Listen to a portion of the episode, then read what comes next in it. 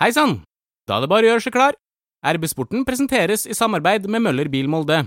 Altså, Jeg er litt sånn skuffa over hvor dødt det egentlig er altså, på Molde stadion. Jeg syns å huske at det var eh, til og med mer liv i gamle dager. altså.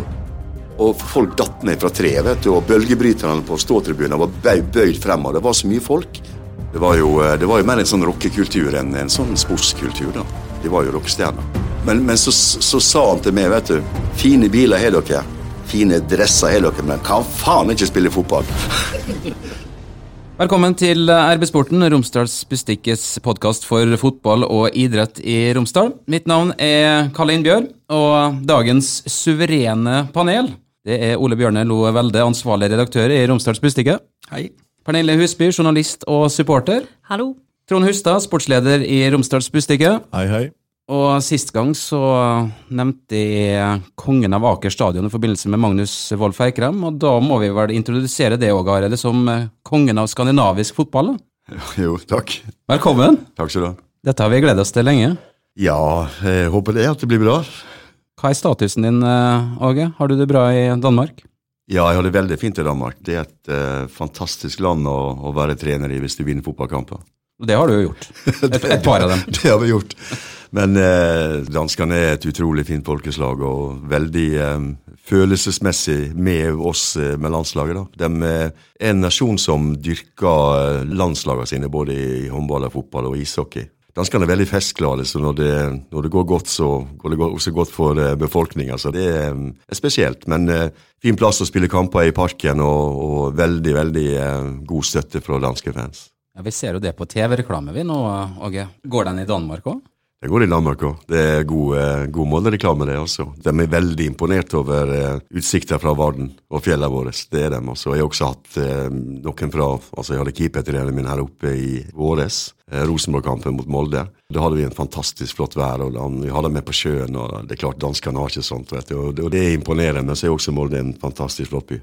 Trond Hustad, du har jo fulgt Åge Hareide i mange år. Hvor lang tid har vi satt deg på denne podkasten? Hvis du skal gå hele historien opp, så blir det mange episoder. Men eh, eh, Åge hadde jo en lang eh, karriere både som spiller og trener eh, før jeg begynte å følge han eh, profesjonelt. da. Det har jeg gjort siden 1997. Så jeg kom inn eh, rett på tampen av den første storhetsperioden, der Åge hadde tatt Molde til det, det første gullet i 94 og sånn. Og så, eh, når jeg fikk lov til å, å begynne å jobbe med dette her, så eh, ble det plutselig en pressekonferanse oppe på Gamle stadion i oktober i 97. Når vi kom dit, så fikk vi vite at Åge var ferdig i- MFK. Så har jeg jo eh, også fulgt den mye når han eh, har vært både i, Sverige og Danmark og i landslagsperioden. Så mye på godt og litt på vondt. Det er sånn det er å jobbe med Åge Hareide.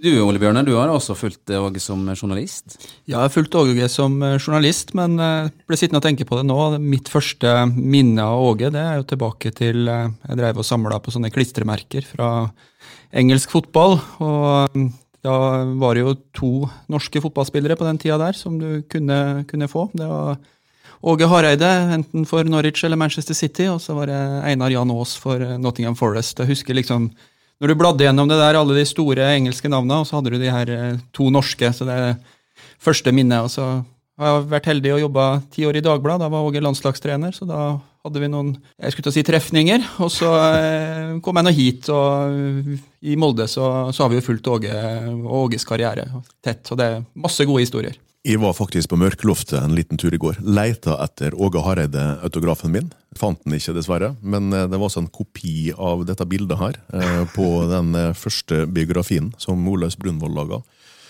Og jeg tror det var på eh, avslutningsfesten for eh, Tomrefjord eh, sine aldersbestemte lag i sånn 82-83 eh, en gang, når du var superkjendis og æresgjest der. Da fikk jeg den autografen, og det betydde mye. Det husker du sikkert, Åge. Jeg har vært eh, Jeg passer på egentlig å, å dra rundt disse lagene i Romsdal. For at jeg syns det er en viktig del av vår, vår jobb da, som eh, er fotballspillere eller trenere. At vi kan, når vi har tid, så kan vi eh, på en måte glede andre. da, og Spesielt dem som jobber inn mot eh, bredde. Det samme hva det er for om det, om det er håndball eller fotball eller friidrett for den del. Altså, det er viktig, for jeg tror at det, dagens spillere må bli enda flinkere. Nå ser jeg heldigvis at MFK er flinke til å være ute og flinke til å ta seg av klubbene rundt og, og være til stede. og Det tror jeg er viktig, for at det, vi må gi inspirasjon. Jeg ble inspirert sjøl når jeg spilte i Hødd av at eh, de store lagene kom ut på Hødvoll, og, og, vi kunne være nær de forbildene våre. Så jeg, jeg snakka faktisk med Drillo under cupfinaleseminaret når han holdt triksoppvisning trikseoppvisning for oss guttene som lå på nedsida av Hødvoll, og så på Drillo. For han hadde én spesialitet, at han kunne sparke ballen relativt høyt opp i lufta, og så dempe han på nakken. Det var han best på i verden, tror jeg. Du, Bernelle.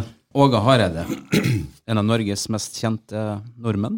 Ja, det vil jeg absolutt si. En av de mest kjente Åge. Det er ikke så mange som heter Åge. Da jeg vokste opp, så var det to som jeg visste om, og det var Åge Hareide og han Åge med lappen for øyet på Hotell Cæsar. Og Åge Hareide på førsteplass. Jeg nevner jo da ikke Åge Aleksandersen av åpenbare grunner, og Åge Steen Nilsen også av åpenbare grunner. Men jeg har en artig Åge-historie, jeg òg. Eh, nå er jeg litt yngre enn både Trond og Ole Bjørner. Men jeg jobba på Mega i Molde ei stund. Og en dag så kom han Åge Hareide innom for å handle. Og da jeg så han sto litt bak i køa, så ble jeg så starstruck at jeg turte ikke å sitte der, så jeg gikk og gjemte meg på lageret. Det var to stykker jeg brukte å gjøre det med. Det var du og Magne Hoseth.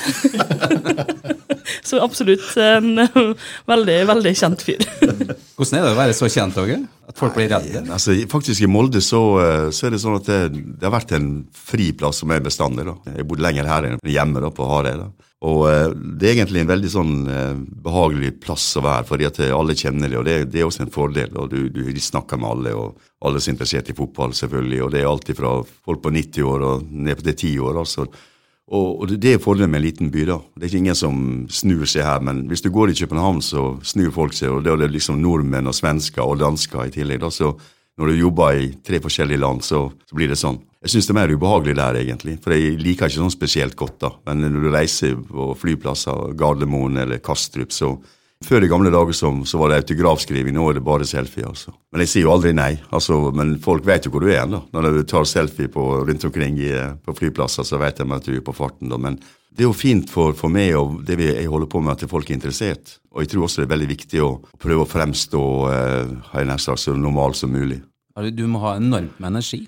Ja, det har jeg egentlig alltid hatt. da. Det må du ha også. For hvis du går tom for energi, så ser spillerne det med en gang. Jeg må ladde batteriet ekstra når vi skal i kamp, for du må fremstå kampfrisk. altså. Vil si at du er klar for kampen. Det er like viktig på det de ser, som på det du sier. Altså, Hvis du sitter og snakker, så har du et eh, ansikt som er fullt av angst og redd for kampen. og det er mange trenere som har det, har det sånn. da, De kan like treninga og er veldig flinke på feltet, men når du kommer i kamp, så, så blir det litt annerledes. Du kan ikke tenke på om du spiller for 250 millioner kroner, som gjorde med Champions League, eller 100 millioner nå i Dublin. Hvis du begynner å tenke på det, så, så blir det feil. Men vi må litt tilbake igjen til Du, du sier kaller Molde for hjemme nå? Ja, absolutt. Det er jo her jeg liksom har lagt uh, altså Grunnlaget mitt sånn fikk vi nok i Hødd, for jeg var tidlig ute. da. Fordi at vi, spillere kom ikke utenfra den gangen, og jeg var 16 år da jeg debuterte. og 17 når jeg spilte fast på laget. og Det ga meg en veldig sånn god eh, grunnpilar, fordi at det, da var det bare hardt arbeid som gjaldt. altså Hvis ikke du ble voksen fort, så ble du ikke med. Og, men så når jeg kom til Molde, så ble det på mange måter litt annerledes. For at Molde var litt annerledes organisert enn Hødd, og, og, fikk også utenlandske impulser da, som var med å hjelpe fotballkarrieren din. Den gangen så var vi amatører, så vi måtte jo sørge for å, å få oss utdannelse. Jeg var jo to år i Oslo og, og to revisorutdannelse og, og pendla hjem til Molde. da. Kjørte bil hjem eh, annenhver helg og kom igjen og spilte hjemmekamper. Trente med Skeid og Vålerenga. Og det var jo eh, ikke noe sånn tilfredsstillende. Så jeg var jo ute av landslaget igjen. Eh, debuterte i 76, og så var jeg ute i to år, 78 til 80 igjen. da. Kom tilbake på Wembley faktisk mot England. Og da var jeg hjemme igjen, og da hadde jeg, begynt, da hadde jeg liksom begynt å få trent ordentlig. Men da var jeg 26-27 år gammel. Så, så, det var dette med det å få trent ordentlig og få det samme altså Vi hadde på langt nær samme mulighetene som i dag. Men det var mest for kameratskapet, og, og jeg trivdes godt i Molde. Og, og, og derfor så, um, så, ble det sånn. Det ble ikke noe flytting på meg før jeg dro til England. Hvordan var det for en ung uh, sunnmøring å komme hit til Molde? Molde var i ferd med å etablere seg som en, en, en toppklubb på den tida. Hvordan ble Åge Hareide tatt imot? Jeg ble veldig godt tatt imot. og Det, jo, det var jo faktisk eh, Torkel Brakstad som spurte meg første gang om jeg ville komme hit. da, for Jeg var jo trente med Start i 73 og, og 74. og var veldig god kamerat med Svein Mathisen, og vi spilte sammen på U-landslaget. og, og Molde var jo nest beste lag i 74, da, og jeg var i militæret i 75. så det var og det passa med distriktshøgskolen og alt sånt her. og Derfor så ble det Molde. Og sannsynligvis var det fordi at de var litt sånn eh, Jeg syntes det var for langt å reise til Sørlandet. Det var kortere til Romsdalen. da. Og eh, jeg, jo, jeg har jo mine aner herifra også, for det, min bestemor er jo fra Misund. og Bjørneremstua står jo på Fiskerimuseet. Det er min oldefar. da. Hvordan vil du beskrive treningskulturen og hierarkiet i en sånn spillergruppe som du, som du kom inn i? Det var jo drevet av, eh, av de som hadde vært sammen i over lang tid. Det kom jo hjem noen virkelig gode fotballspillere utenfra. da. Og så har de gjester, Jan Fugleseth spesielt, og Torkel Brakstad var på Hamar en periode. De tok jo med seg det de hadde lært ute, og brakte det inn i kulturen her, og, og spissa det egentlig. da, fordi at det, de hadde vært talentfulle i lang tid og missa opprykk, men kom opp i eh, 70. og Vi var jo på Reknesbanen i 71 og spilte mot eh, Molde. da, og Da sa en av spillerne på Hødd følgende at det var mange talentfulle spillere, men de trenger en frisør i det laget der. Det var mye langt hår. En lang historie for deg i Molde, altså.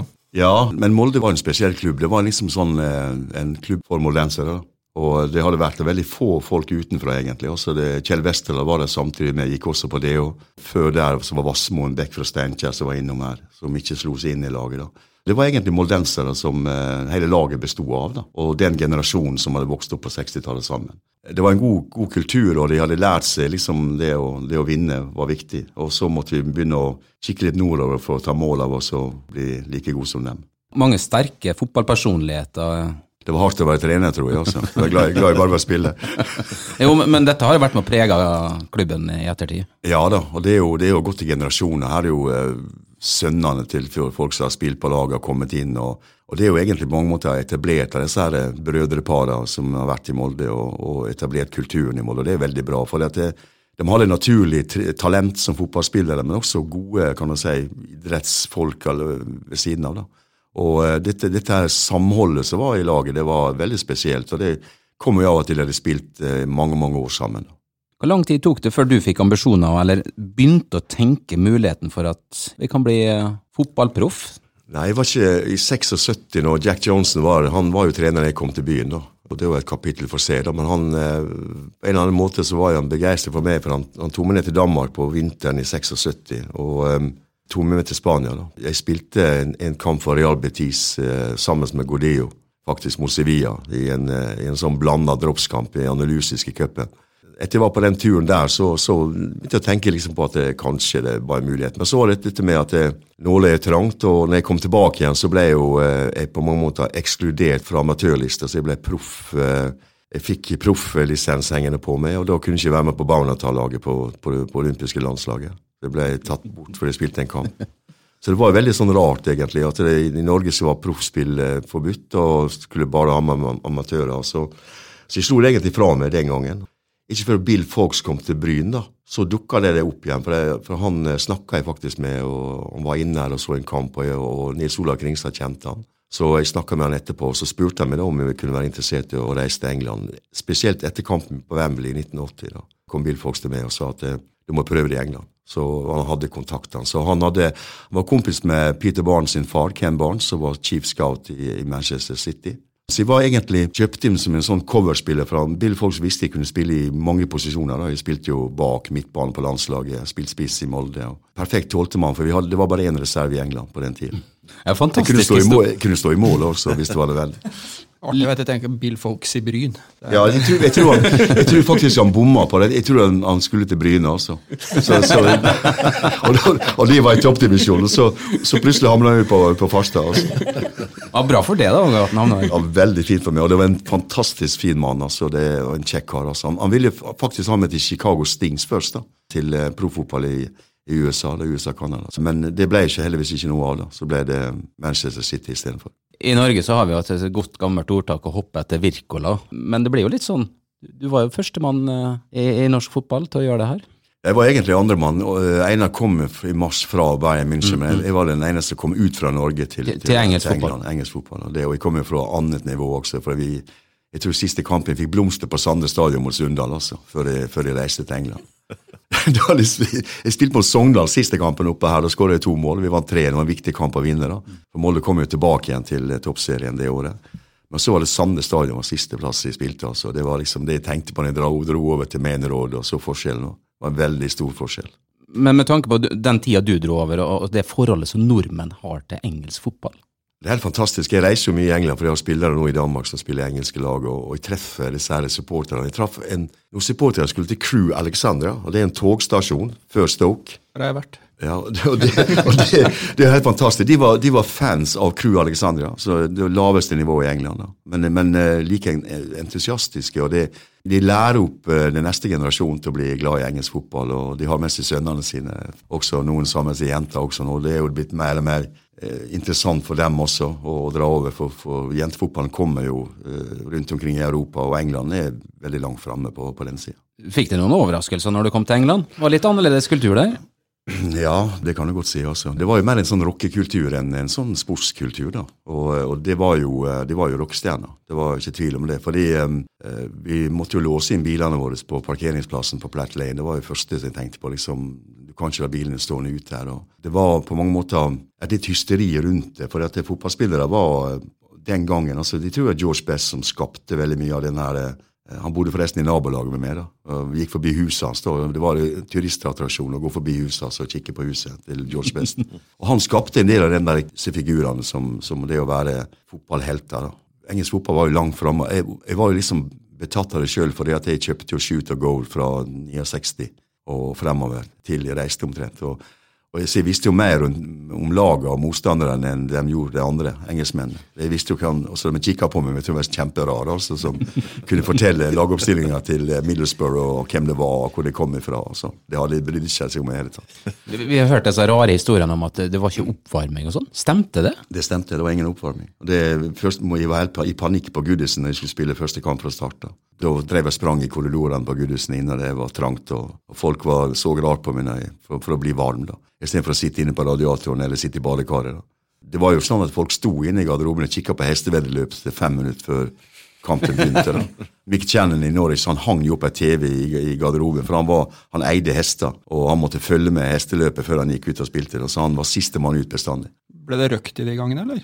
Nei, det var ikke det. Det var ingen som, eh, som gjorde det der. Altså. Det var, men det var, tror jeg var tidligere så var manageren ute og henta folk på toalettet. Altså. Men det var ingen, det var ingen som, eh, som gjorde det hos oss, verken i, i Manchester City eller Norwich. Men noe godt å drikke fikk dere i garderoben? Eh, Tirsdagskvelder, hvis det var ligacup spesielt, da, så eh, på kalde kvelder så fikk vi en eh, liten oppstrammer, så vi kunne bli varme innvendig i hvert fall. Men det, det trøkket, Åge. Du syns det er et veldig godt kapittel i boka som, som Stavrum skriver. Den her debuten din for, uh, for Manchester City. For det var litt sånn pang rett på for å Du overriver altså Du kommer inn eh, mot Nottingham Forest, og en av oss var jo på andre sida der. og Det var Brian Clough, og det var en, eh, et godt lag da, som vunnet Europacupen et par år tidligere. Og um, Vi Wennersen som var landslagsback for England. og Jeg kom inn på venstre kant i den kampen. der Vi fikk en skade. Vi hadde bare én reserve, og jeg spilte venstre ving. Så ble det kasta ut til uh, V. Og så tenkte jeg at jeg må jo satse på å ta han med en gang. altså. Bare Sett med respekt til en takling, da. Men jeg var jo selvfølgelig for sent ute, da, så jeg delte jo han i to. Men de ble veldig populære blant fansen fansene våre. da. Det var helt sinnssykt populære ble jeg, altså. De kom jo ned etter kampen og sto og venta på meg utafor for å applaudere meg for den taklinga. Og det var jo sånn, var, Spillet var veldig fysisk, så liksom hvis du viste det fram fysisk, så var det på en måte akseptert. da.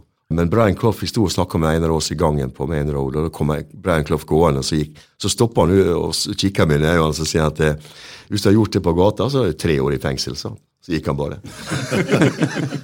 Hvis du har gjort det på fotballbanen i dag, så eh, I dag hvor mange kamper hadde du fått karantene? Jeg kunne fått uh, fire-fem kamper, tror jeg. Også. Jeg kunne fått en måned på sidelinja. Altså. Men i England så var det sånn at når vi først ble booka, da, vi visste jo det at vi ble ikke booka første takling. Og vi smelte jo det vi kunne på angriperne i første takling, fordi at det var de kjente vi var der. For vi visste vi fikk ikke kort. Vi ble ikke booka. Og så var det sånn poengsystem at du måtte fram for en domstol i, eh, etter 20 poeng. Så måtte manageren følge det inn til en domstol, og da fikk du dommen din der, altså.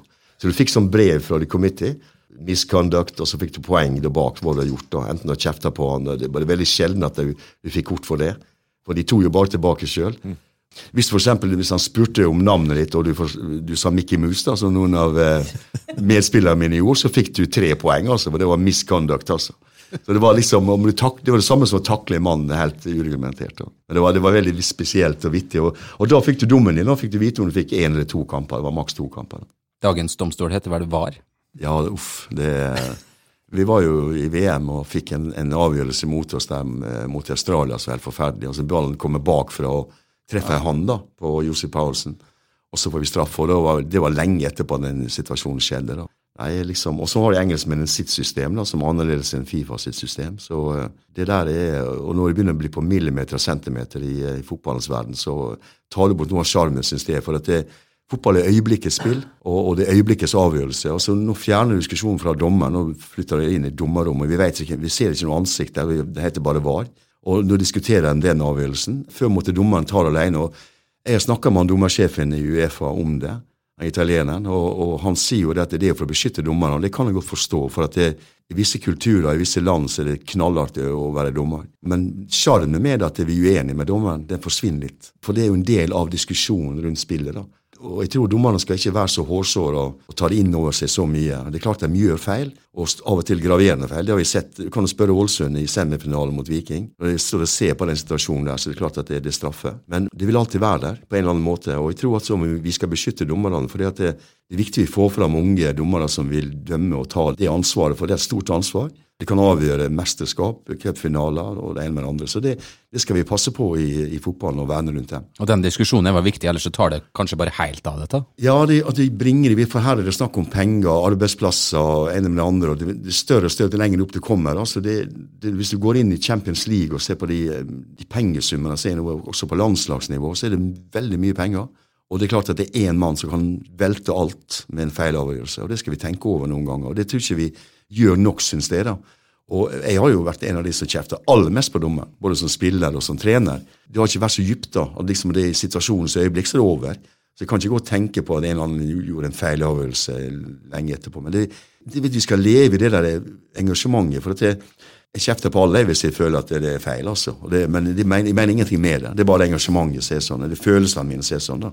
Og den dagen jeg ikke har det, ja, da, da tror jeg jeg skal sette meg på en stol på Varden. altså. Det er en ny sånn eh, nerve for en fotballmanager når du ser at dommeren liksom løfter fingeren mot øret og tydeligvis lytter på et eller annet, og du, du, du har ikke sett noe som helst fra der du står på benken? Ja, men det er, en, det er jo, på en måte et, et mareritt. Og Spesielt når dommeren er inne på banen og i nærheten av situasjonen og ikke reagerer, så får han beskjed skjede, Look at this, look at this, look at this. Og Jeg snakka med den spanske dommeren som dømte oss mot Australia, og han så ingenting. Han sa det til meg, helt ærlig sånn, jeg så ingenting. Og så kommer VAR, men, og så ser han situasjonen, og så er det klart ballen treffer handa. Men han, Josef Paulus kan heller ikke se ballen. Han er jo med ryggen til. Jeg tror at det er dem som er midt oppi det. altså dem, Dommeren har til og med en bedre vinkel enn vi, vi trenere. Vi dømmer fra benken. Helt annen vinkel. Eh, dommeren inne på banen har best syn til det hele, faktisk. Eller, eller linjemannen. Jeg vet ikke. Det, jeg jeg, jeg, jeg syns det er i ferd med å, å, å ødelegge sjarmen med fotball. da. Det øyeblikket spiller fotball. Den avgjørelsen tatt i øyeblikket, enten som spiller, som trener og som dommer, det må vi bevare. Som fotballsupporter, Pernille, hva syns du om VAR? Nei, Jeg er for så vidt enig med Åge. Altså, det er selvfølgelig jeg husker jo kamper der Molde eller av, dommeravgjørelser har gått imot Molde, ref. cupfinalen 09 Ålesund.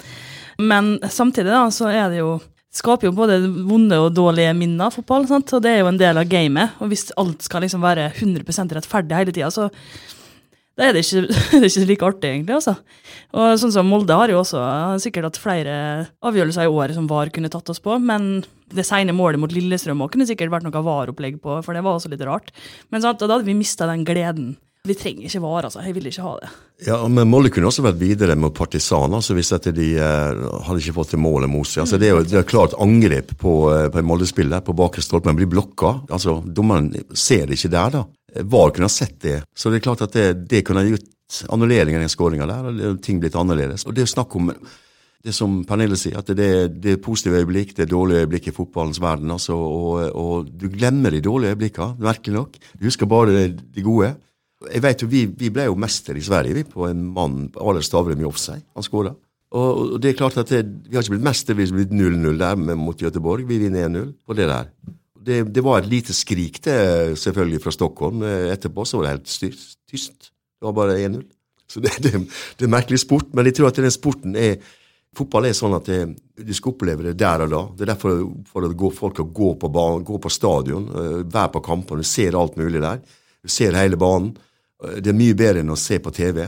Og du får være med i en atmosfære som er fantastisk når, når ting eh, funker for ditt lag. Og avgjørelsene går som regel for ditt lag også når ting kjører. Det er jo sånn i fotball. Det går mot de som ligger i bunnen, og så går det for de som ligger i topp. Hei, Er du på jakt etter ny elbil, SUV, ladbar hybrid eller familiebil til vinteren? Nå er det kampanjedager hos Møller Bil Molde med gode tilbud på ny Volkswagen og anbefalt tilbehør til 31. desember. Ta turen innom oss da for en hyggelig bilprat. Din lokale Volkswagen-forhandler, Møller Bil Molde. Vi var inne på englandsperioden, og så er det ditt enorme engasjement som har ført oss til å prate mye om VAR her. Men eh, tilbake igjen til England. Hva er ditt aller beste minne fra England? Det beste minnet, var egentlig det største minnet, da, var, synes det var lokaloppgjøret på, på Old Trafford mot Manchester United. Vi slo jo Liverpool 1-0 med Norwich i 83. Vinner to ganger over Liverpool som europacupvinner det året. Det var eneste lag som klarte det med Norwich. Eh, men 1-1 mot United med City var stor, fordi at jeg var frimerke på Brian Robson. Det var en stor kamp. Det var 58 000, og det var full guff, og det var ikke gress på banen. og Det var bare, det var bare ut og springe. Vi fikk ei sprøyte i ræva før kampen og sprang i tre døgn. Så, så, Hva var det i sprøyta? Nei, det var frukt. Eh, det var vitamin. Vi, det ble sagt at det var, var, på vinteren, og da får vi lite vitaminer i oss, altså, så vi måtte, måtte få litt vitamininnsprøytning. Og det virka, det. altså. Det var pigg og, og glad, og um, sprang mye. Hvor mye gameplan var det, var det, da? Vi har vært innom at det, det var ikke oppvarming. Eh, hvor mye taktikk eh, hadde dere før dere skulle ut på Old Trafford og, og, og møte Manchester United? Ingenting. Jeg, jeg, forsøkte meg i Norwich da jeg kom dit. da liksom, eh, Dave Watson var min midtstopperkollega. og Så sa jeg at vi må, vi må, ha en drill på forsvaret vårt. Vi skal spille mot Europas beste lag. vet du. Og Da var jeg på lån da, fra Manchester City først. da. Så sa jeg til treneren, da, Mel Machin, da, at vi kanskje burde ta en shadow på forsvarsspillet vårt og snakke litt om hvordan Liverpool For det var jo lett å se hva Liverpool gjorde. Med Dalglish og Rush og, og uh, Sammy Lee uh, spesielt, og Ray Kennedy. Hva det gjorde, og hvordan det bevegte seg, og hvordan Phil Neal kom opp overlappa, og det gikk i kanalen. Så, så sier han bare at uh, ikke bekymre deg for det òg. Bare spill ballen til en gul skjorte, du, så går det bra. Altså, Gjorde det to ganger ja, vi, ja, ja, vi vant to ganger over det. 2-1 på Anfield og 1-0 hjemme. og det det vi gjorde, det, Watson, var at vi eh, istedenfor å mark people goal side, altså stengte vi korridorene, og det var vi som ble enige om å gjøre. For Vi spilte opp, det var fantastisk å vandre. Han kom rundt og møtte opp og holdt ballen. Og så var det Liverpool forut for sin tid, for at Rush gikk alltid dypt, og vi lot han bare springe. Men de spilte alltid Dalglis i føttene. Da. Så vi hang på han, og så tok midtbanespilleren lavere, så vi kunne blokke han fra begge sider. Og så fikk, de, fikk ikke Samuel Lee komme inn og hente ballen fra kanten inn, hente han fra føttene på Dalglish. Og det, Da gikk spillet til Liverpool litt i surr, altså. Men samme vi gjorde. Vi marka, markerte ikke goalside. altså. Det, det var uventa. Husker Delgi sa til meg 'What the fuck you doing now?' du, du, skal ikke være der, du skal være her, vet du. Allerede da så var du godt i gang å tenke fotball, kanskje mer enn mange av dem du spilte sammen med? Ja, du må ha noen sånne taktiske tanker rundt det du gjør. da. Det lærer du etter hvert. og Spesielt i England. Spillet var mye raskere enn du var vant til. og Da måtte du må kompensere for det. altså. Fra England til tida tilbake i Molde. Hvordan følte du det da? Det var en ganske spesiell tid. altså. For det første var jeg helt smadra da jeg kom hjem. Jeg hadde en sånn eh, lyskestrek altså, som gikk fra nakken og ned i akillesen. Den følelsen av, altså. Det var, Den gang så var det ikke automatgir, så hver gang de kløtsja, så var det au, altså. så de, de løfta venstrefoten. Og det, jeg hadde to ei sprøyte på 30 cm opp i lysken, så la det på noe som heter trokant minor. Iliosoas festa seg på trokant minor, og det var opp i magemuskelen. Da jeg hvilte jeg i eh, to måneder, tror jeg, eh, på slutten av tida mi i England. Så ble jeg sånn noenlunde bra, da. Men i løpet av den siste sesongen så brakk jeg kragebeinet og punkterte ei blodåre oppi hodet så jeg mista masse lite blod. og det var, jeg, var i, jeg var i slag hele tida, følte jeg. altså. Så jeg kom hjem, så var jeg nokså smadra, altså. Men, men jeg fikk roa litt, så, så var det kjekt å spille igjen i Molde, egentlig. Det var det. det var jo, men det var en urolig tid i Molde, fordi at klubben det lå dårlig an i 84. Når jeg kom tilbake, skifta de trener, skifta til Jan, og, og Huli kom tilbake. Og det ble jo helt kaos, altså. For han, eh, han var en veldig spesiell mann. Hvordan var Huli? Huli var han bare sånn fotballmessig så var han liksom uh, helt, helt, ok, altså. Men menneskelig så var han helt ikke ok.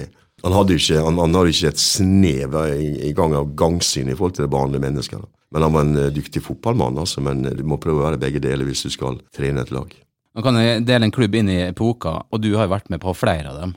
Men det som begynner å skje der, der eh, både som spiller og etter hvert også som trener Altså det, det, skjedde, Vi bygde ut uh, vi bygde ut gamle Molde stadion da, i, uh, i 86. Det er 85 kom Hasse Bakke. Han lærte jeg veldig mye av.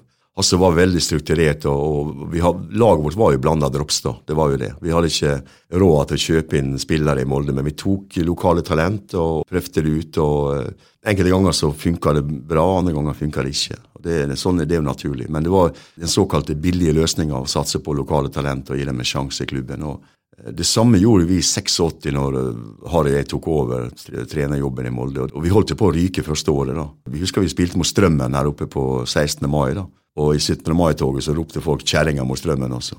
Og det var en som kom bort til meg på Idrettens hus. da, og det var, Vi hadde jo sånn sponsa biler vet du, og dresser og det hele vet du, den gangen. da. Noen forferdelige dresser, forresten.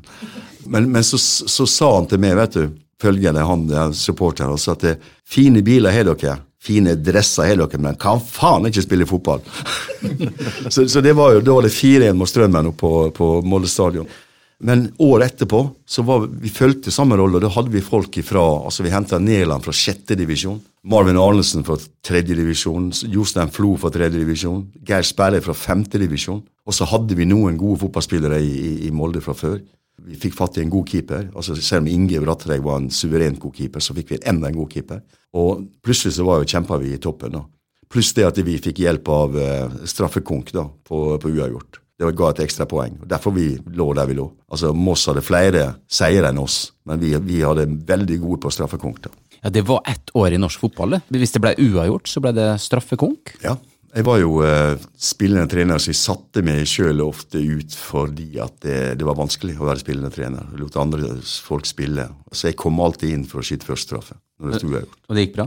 Det gikk fint. Da, da, var du i gang å være trener. Vi, vi, kjenner jo det som en vinner. Allerede da så hadde du ambisjoner. Hadde du tro på at Molde kunne vinne noe allerede da? Ja. Det har jeg liksom eh, aldri slått fram i den biten her, altså. Det, når vi var oppe og kjempa med Moss der og tapte For øvrig er det de beste minnene jeg har fra Molde, egentlig den kampen på Molde stadion, selv om vi tapte 2-0. Fordi det var så mye folk, og det var sånt engasjement, og det var så fantastisk. altså. Det, er ingen som veit i dag hvor mye folk som var inne. altså. Så jeg fant en kasse med 75 000 var dagen etterpå på lokalet for å få fatt i noen supportereffekt. Så lå jeg en haug med tomkasser og noe skjerf og greier, så jeg skulle hatt en band, jeg tror jeg. Og så drev jeg rota ned der, så plutselig så jeg masse hundrelapper. For det var det 100 kroner for å komme inn, og jeg fikk ikke billett engang. Og jeg sa til Snorre Snorre fikk jo penger, den her gevinsten. Det var helt galt, altså. For det var 10 000 mennesker inne før, en time før kamp. Og når vi kom opp der, så var det 10 000 mennesker. Og folk datt ned fra treet, og bølgebryterne på ståtribunen var bøyd fremover. Det var så mye folk. Det var en guds lykke at det, at det, gikk bra. For det var helt på kanten altså i forhold til uh, ulykka. Men det jeg et med den kampen. Jeg, jeg husker jeg var til stede sjøl. Det sto på den betongtribunen uh, der. Det var en magisk kamp. Det var, det var så fantastisk, og det, det var sånn stemning. Og, og, vi hadde jo den på gaffelen, vet du. Så inn i helsike, altså. Jeg var også på den kampen der. Jeg satt med sånn der MFK-lue, sånn rar skyggelue ja. og skjerf. Husker jeg var 15 år, satt og gråt ja. på tribunen. Det er, må jo være noe av det mest urettferdige resultatet noensinne. Ja, det, det var jo det. Og det, det rare var jo det var min siste kamp som, som spiller også. Og Einar Aas hadde det samme, han skulle også stoppe som spiller. så jeg sa til Einar, som har vært min gode kompis i mange mange år, jeg sier at når det først går galt, så er det godt at du får oppleve noe bra med din klubb. Så. Men det var, det var liksom sjokka, for vi var, vi var så ladda for å, å, vinne. Så det var liksom et sjokk for oss, for vi hadde også mulighetene. og vi, vi, vi, fikk noen kjempesjanser der som ble brent, selvfølgelig. og Det, det er jo sånn fotball er. Men det er fotball på det aller verste. Så er det bare en opplevelse, og så må jeg tenke på alt det andre som jeg har fått opplevd som har vært veldig fantastisk. da. En annen ting som jeg også husker, Åge, og du var jo inne på dette med åpenheten sjøl og det å by på seg sjøl. Vi spilte sjøl på et guttelag i MFK da. Eh, du hadde peptalk med spillerne før det som var den gangen tidenes viktigste kamp i MFK. Så inviterte du da med det laget, guttelaget som jeg spilte på. Jeg husker vi satt på et rom, det var oppom Nobel hotell. Eh, der satt hele guttelaget mitt og hørte på at du hadde peptalk til spillerne. Mm. Hadde det skjedd i dag, tror du? Nei, det tror jeg ikke har skjedd i dag. altså. Men, men det har liksom vært litt på uh, med min filosofi også. Dette, det, det, å, det, å, prøve å engasjere og prøve å få gitt noe til folk som holder på med fotball. Jeg tror det, det er veldig viktig. I sommer, etter jeg bare har vært i VM, da, så ringte det en kar fra Fåberg idrettslag, men det ligger jo nede med Lillehammer. da. Og så tenkte jeg på at jeg har jo henta spillere fra Fåberg som har gjort det veldig godt for meg som trener. Petter Belsvik og Evensen kom opp her, og Morten Bakke kom opp her, ikke minst han. Da kjører jeg bare ned til Fåberg, og, og hvis de vil ha meg ned på en sånn breddesamling der nede som kan gi noe til dem, så drar de ned. Og det, så har jeg gitt dem noe. For meg så, så handler det også om å gi noe tilbake igjen til, eh, til den idretten som jeg er glad i. Og så er det viktig å, å vise at det, vi, eh, vi bryr oss. Men den kampen der eh, var også et møte med Nils Arne Eggen. Du og Nils Arne Eggen var mye i fokus en periode. Det, Ja, vi har hatt våre dueller, vi. Men Nils var jo den som tok meg ut på U-landslaget og A-landslaget, sammen med Skau Andreassen. Jeg har lært veldig mye fotball av han. og når jeg dro til Sverige i 98, så kjørte jeg opp til Nils og satt med han i tre timer og snakka 4-3-3. Og da hadde vi spilt i 95, og vi modellerte jo laget vårt i 95 etter Rosenborg. Fulgte helt. Og vi blei bedre enn dem. Dessverre så dro Ole Gunnar, også. Ikke fordi at eh, Andreas Lund som kom inn var en super fotballspiller, men han var ikke det samme som Ole. Vi kunne ikke bruke han på samme måte, og det fungerte ikke rundt Andreas på samme måten. Og det vi hadde i 95 var kjempespennende. I 96 på vinteren så rundspilte vi Rosenborg i, i finalen i, den eh, så gamle Nissan-cupen, altså i Bø i Telemark. Og da var de bekymra Rosenborg. Da var Eggen bekymra. Og første åpningskampen i 96 så hadde vi dem så på gaffelen, så tapte vi igjen. Det var kontring. For dette, det var bare sånn at vi skulle rundspille Rosenborg og tape. 2-2 oppe her i 95. I 95 var det 12, 12 000 tilskuere når vi møtte dem her. Vi var nummer to. Og, og det året så vant vi seks kamper på rad, som var rekord i Norge med, med MFK. da. Det er sannsynligvis en av de artigste sesongene jeg har hatt som trener, å trene den gjengen der, for det var helt sånn supert. For vi, vi tenkte bare offensivt. vi, vi tenkte ikke på å stenge til noe bakover. altså Vi, vi trente bare offensivt, og vi fikk noen kraftige smeller også når ting ikke funker offensivt. jo, men det var spesielt å være på Brann stadion. Vi var så heldige å være der 6-0, var det det? 6-0 i åpningskampen, ja. Men vi skåret også. Vi leda 4-0 til 20 minutter mot Viking oppe her, da. Det ble 5-4 til slutt, da. Så det er jo, det er jo klassisk også. Med Hødd er vi 5-0 i pause, og, og så har vi én i stolpen, og så skårer vi to til, blir 7, og så blir det 7-2. For at vi bare pøste på. Ole skåra 20, Arild 16, eh, Ole Bjørn 11 eller 12, tror jeg. Og det, jeg tror det var til sammen 49 mål på disse tre spissene våre. Og alt nesten regissert av Peter Rudi. Vi hadde fantastisk artige treninger, vi hadde artige diskusjoner. Vi utfordra dem, de var unge, vi hadde snittallet på rundt 23 år. Og, og vi utfordra dem liksom for å bli bedre, og utfordra dem på alle mulige måter som spillemessig. Og, det, og folk vokste jo veldig fort, og Daniel var ung på midtbanen, vokste fort til å bli en veldig dyktig midtbanespiller. Gro- Grobunnen for det han ble senere. I 96 fikk Odd Inge Olsen inn, som var en suveren spiller også, som styrka oss enda mer. Men eh, Molde fikk jo mye oppmerksomhet både for å spille god fotball, men også for du som person. Jeg husker jo flere pressekonferanser. Ja, så Dere skal utfordre altså det etablerte, sånn sett. For den etablerte var jo Rosenborg. da, og Det var jo eh, Nils Arne som på mange måter hadde lært meg veldig mye av det som, det som jeg brukte. da, Og som sagt, jeg modellerte meg mye til Rosenborg. Og Rosenborg var god. Og vi ser mot de beste, så skal vi utfordre dem og lære av de beste på en positiv måte. Og jeg tror at det vi gjorde der, det var viktig for, for, for Molde. Altså Viktig for tida etterpå, for å skape oss på en måte av et godt selvbilde. Vi kan, vi også. Og det har jo Molde vært ekstremt flinke til å, å forvalte i senere år. Altså De har tro på seg sjøl, de har blitt flinkere og flinkere og flinkere. Derfor de vunnet mesterskap. For det, det å vinne et mesterskap er vanskelig, selv om du heter Rosenborg eller Molde eller Real Madrid eller Barcelona. Det er vanskelig å vinne x antall kamper over tid for å bli mester. Og da kan jeg si at eh, ja, men dem er så, er så gode. Ja, men bli gode. Og, og det skjedde med Molde også. Molde ble god og bedre og bedre, så vinner de kamper på, også på dårlige dager. Så lærer de seg den kulturen der, så tar de med seg det, så blir de mester igjen. Og jeg kan ikke se noen som utfordrer dem neste år heller. Husker du noen av pressekonferansene fra den gangen? Jeg er sikkert kjefter på, på journalister. du. Det er jo jeg blir best huska, for det er egentlig en snill mann, da. Men blir, eh, av og til så blir jeg litt sånn eh, dratt, dratt av gårde på følelser. Jeg husker jo at du var veldig snill og veldig blid. Eh, veldig imøtekommende. Altså, Åge Hareide var jo et, det var tidenes mest fantastiske intervjuobjekt. Jeg lærte jo det når jeg kom inn i, i Bustika her. Og så kunne det av og til eh, smelle, da. Sånn at det, eh, det er ikke mange jeg har fått så mye med eh, som journalist. Og det er heller ingen jeg har fått så mye kjeft med. Fordi at eh, det har vært et par telefonsamtaler som eh, varte og rakk. Der jeg har skrevet et eller annet som Åge ikke var enig i, da, eh, på et feil tidspunkt sannsynligvis. Og jeg har aldri fått så mye kjeft. Jeg har blitt hudfletta til de grader, og så har jeg vært like gode kompiser neste gang vi har møttes. I hvilken grad er dette her strategi eller planlagt, eh, eller i hvilken grad er det rett og slett bare dine følelser og instinkt, eller at du blir så forbanna? Det er jo mest instinktet, mest følelsen, egentlig. Altså, for det, det er på en måte du beskytter deg selv i forhold til hvis du er kraftig uenig i noe som er skrevet. og fremstilt på en måte. Det kan være mot en spiller eller mot laget, og er det laget som går mot meg som trener. Og, og, og da blir du veldig sånn uenig, og da blir du liksom, da føler du en urettferdighet i det. da. Men, men noen ganger kan det være planlagt òg. Faktisk. I, uh, Malmö så drev vi sånn uh, psychoplay altså, med en uh, Red Bull Salzburg-trener. Der jeg jo helt bevisst på hva jeg sa og hva jeg gjorde, og kunne fremstå veldig sånn arrogant overfor dem. da. Og når vi spilte mot Red Bull Salzburg, så, så sa jeg det til at på pressekonferansen. Det var helt sånn, ingen som spurte om det engang. Jeg sa bare at det, de har ikke vunnet en eneste playoff-kamp på sju år. Hvorfor tror de at de kan, bli, kan vinne den åttende? Det er helt umulig for dem. Det klarer de ikke. Og det ble jo slått opp i østerrikske aviser overalt, vet du, og treneren var helt i harnisk. og at jeg kunne si det som Så jeg sa bare, jeg sa bare at jeg, den heksa kommer til å fly rundt her. Også, så Det ble heksenkittel i, i Malmö, og det ble jo bærende i Malmö, det uttrykket der. Da. Men det var bare en rein sånn psycho. Eh, altså få ødelegge hodet altså, slik at han eh, tenkte på andre ting enn på laget sitt. Da. Jeg husker Svea i, i, i Verdens Gang, som er verdens hyggeligste fyr og en dyktig journalist og kan mye. Jeg husker han ble veldig lei seg en gang, altså, og da begynte jeg å tenke over at jeg måtte kanskje roe meg ned. For det var liksom, det var før vi møtte Italia, vi har gått veldig godt med landslaget. Eh, vi skulle spille mot Italia i åpningskamp i Palermo i, eh, i 2004. Så eh, får jeg plutselig en telefon fra Gazzetta som ringer til meg. da, Når han liksom på italiensk-engelsk liksom I know how you are playing. Ok, Hvem har fortalt deg det? sa jeg til han. Ah, Svea, Verdens Gang tenkte panken, han er jo landsforræder, så jeg har blitt landsforræder. Det var jo det siste, siste jeg venta med. altså. Så går jeg ned, Det var rett før pressekonferansen. Så går jeg ned, så sitter Svea der.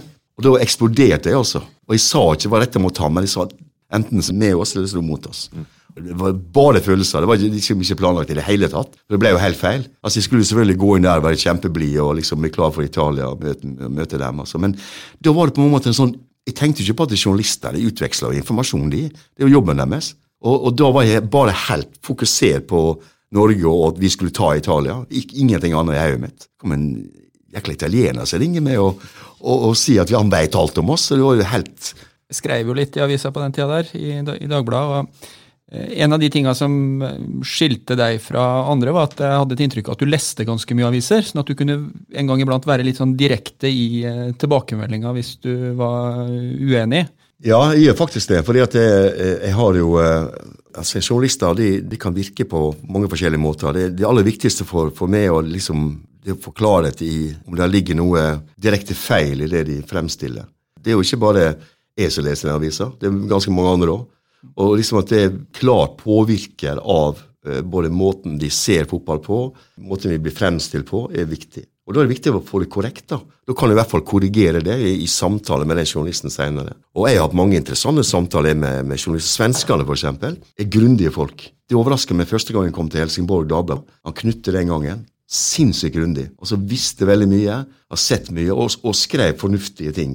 Og jeg kom der som nordmann. men I og med at jeg hadde samtale med han, så fikk jeg en backing med Knut. i forhold til Jeg fortalte ham hvordan vi ville ha det. Det var helt annerledes enn det hadde vært før. Og dermed så på en måte forsto han også med på en bedre måte. Og Det samme var det i Sydsvenska nå, med Max Wiemann og Kveldsposten med Mathias Larsson spesielt. og det, Når vi kunne sette oss ned og snakke om det, så forstår de fotballen på en litt annen måte. Eller forstår hvorfor det, hvordan jeg vil ha det. Og Det tror jeg er viktig. Det er vanskeligere å få den relasjonen der som landslagstrener? Du har opplevd, ja, opplevd det to ja, ganger med Det er vanskelig landslaget blir litt sånn, det blir litt sånn populistisk. Og, og da må man også forstå innfallsvinkel til avisene. altså Det kan være En lokalavis vil ha med Magnus Wolff Eikrem. Verdens Gang vil ha eh, populistiske avgjørelser, så de kan skrive enten for eller imot. Du skjønner, jo, Etter hvert som du blir eldre som trener, så forstår du denne spillet også mellom si, mediene og, og fotballen. For, for, det, for, fotballen er avhengig av medier, avhengig av oppmerksomhet. Og så er det måten dette blir fremstilt på som er avgjørende for meg. da. Du, vi må tilbake igjen til uh, gode gamle dager. Molde vant sitt første trofé, og det skjedde jo med det. 94, ja. Det var uh, et uh, spesielt år da vi var nede i den gamle andredivisjonen. Og jeg husker spesielt godt det, for vi, vi, kom til Fana og skulle spille mot Fana. Så var måla lenka fast midt på banen, og, og banen var ikke slått. Det var høyt gress. Det var opplevelsen å komme til den divisjonen der. På vei hjem da, av alt da, så spilte Norge mot Mexico og der en annen en kjent romsdaling skåra mål. Vi kunne ikke lande pga. lav tåke i Molde da, det var juni måned. Og vi måtte fly til Kristiansund, og vi mista hele kampen. altså. Så jeg fikk ikke sett den kampen. Det var minnet fra den 94-sesongen. Og så kom det gode, da. Det, var, det beste var jo semifinalene mot Rosenborg. Det var to semifinaler den gangen. da. 2-1 hjemme. Fantastisk sommerdag i september måned på stadionet. Og da var Åge i sitt ess. Det var helt fantastisk. Vi hadde samla en del folk igjen, og det var, eh, det var kjekt. altså. Og Så kom jo den ræva kampen på Lerkendal, ifølge Nils Arne, da, med 2-2.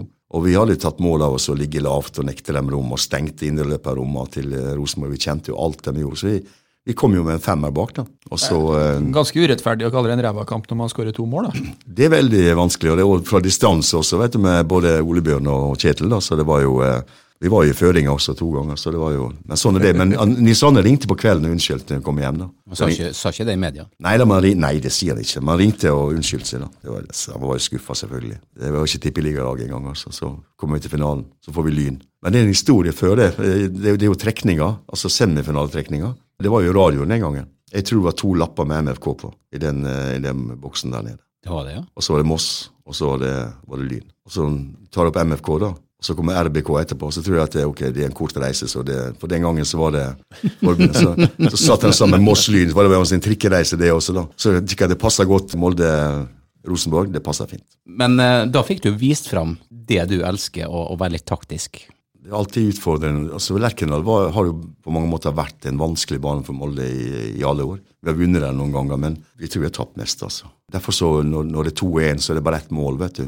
Da må vi gjøre noen taktiske grep for å kunne stoppe Rosenborg. Det var det vi gjorde. Vi måtte stoppe indreløperne til Rosenborg. Det var det vi var på jakt etter. Og Det lykkes vi med å spille med tre mann sentralt bak, og liksom én mann på spissen og to mann som dekte korridorene. Så kom ikke noe løp, og da ble de stående og spille på tvers foran oss. og Skamini ble skifta ut. da. Han sa han var skada, men jeg tror han, jeg tror han ble skifta ut. Den rivaliseringa mellom Molde og Rosenborg har naturlig nok kommet litt når Molde har begynt å utfordre Rosenborg, men, men jeg føler at du var den som var med virkelig og, og kickstarta der en del år tilbake dit. Du var veldig på det, ute og uttalte litt om Rosenborg og stakk dem litt i rumpa der. og ja. Erta dem litt, vet du. i tillegg. Jeg gjorde det, og det gjorde jeg helt bevisst. Så fordi at det, altså Jeg har hatt Ola By Rises assistent både i, eh, i Rosenborg og, og landslaget. En helt fantastisk fin mann på alle mulige måter. Men jeg, jeg, måtte, jeg kunne ikke dy meg måtte se han var dårlig i feltet når vi hadde Jostein Flo og Øystein Næland som hoppa høyere enn han. da. Og de skåra på han hver eneste gang. vet du, Både i 89 og 90 og på her åpningskampen så vinner vi 3-1 og 4-1. Og det var jo feltarbeid til Ola som felte dem. men- Første han gjorde, var å fauke ut i feltet. Selvfølgelig. Han ville jo vise at han var, var god i feltet. Det, det er jo det som skjer når, når, når du sier sånt i avisene. Det var mye moro den gangen med, med uttalelser begge veier og Molde-Rosenborg. Så har det jo eskalert voldsomt. Hva syns du om det der at eh, nå, nå er det noen som har gått litt over på hat og sånne ting? Nei, jeg syns ikke noe om det i det hele tatt. Det liksom, det er, jeg skal fortelle, når jeg trente i Rosenborg, så hang det noen banner oppe på Lerkendal før den kampen, så jeg var ute på banen, og de bannerne ble plukka ned. Og det var mot person. Det var langt over streken. Og så sier jeg det aksepterer jeg ikke. Så. Vi er æresmedlemmer i klubben her, og det må dere forstå. Altså, Vi skal spille fotball på grunnlag av rivalisering, og det er viktig å ha. Du skal ikke ha en sånn oppdragende effekt da, av å være supporter av et lag. da, At du skal hate eller mislike folk. Du kjenner dem ikke engang. Hvordan kan du mislike folk som du ikke kjenner? De er bare bak laget sitt. De er bare støtte, og de skal ha respekt for supportere som støtter laget sitt. Og Derfor så må man passe på at man får en sånn ukultur inn i supporterkulturen. Fordi at det, Da blir det litt andre vonde ting. Altså vi har, England sleit med, med hooligans og få vekk de folka som er inne for å ødelegge fotballen.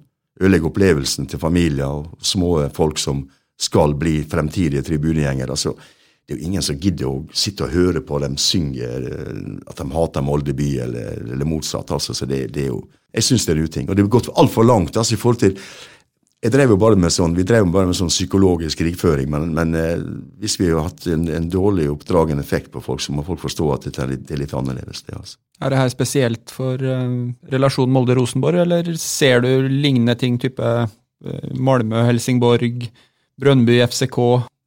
Ja. Lillestrøm Vålerenga også. Vi har jo skrekkeksempel på det nå i høst. da. Jeg vet ikke om det har noe med samfunnet vårt å gjøre. altså.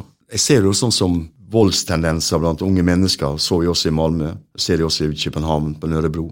Jeg vet ikke om, om, folk må forstå altså, konsekvensene av disse tingene. Altså. Og, det, det, Hvis de skal gå på en fotballkamp for å ytre seg neg veldig negativt, så er, det ikke plassen å gjøre det. Der, skal de gå for å støtte sitt lag, da, uansett hvordan det går ut på banen der. Ligge bak laget sitt og bruke energien sin på det. Istedenfor å bruke energien sin på den andre supporterflokken. da. Han kan gjerne ha tilrop, men, men det kommer an på hvordan han fremstår. altså. Malmö har jo klart det veldig godt på, på sine kamper. da. Så Selv om at det har vært problemer, spesielt med Stockholmslagene. Vi skal komme tilbake til Rosenborg-tida litt eh, seinere, men uh, vi, vi sa jo, vi sa en, jo en annen dag. En annen dag. Vi sa jo innledningsvis uh, kongen av skandinavisk fotball, for eh, du har jo vært i både Sverige og Danmark som, som klubbtrener òg. Ja. Første gangen veldig lenge siden, egentlig i Helsingborg. da. Så jeg kom dit. eh, Og Helsingborg hadde ikke vunnet noe siden 1944. da når vi drev krig, så drev de og spilte fotball i Sverige. Så da ble det mester da i 1944. da. Og så vant vi igjen i 99. da. Så jeg vant cupen i 98 med dem. Så vi burde ha vunnet i 98 år, men vi tapte siste kampen. og det var...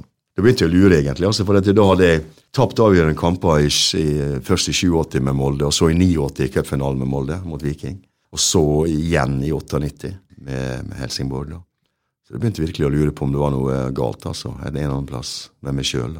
Men så klarte vi 99, og det var på en måte et sånt gjennombrudd på, på å vinne et mesterskap.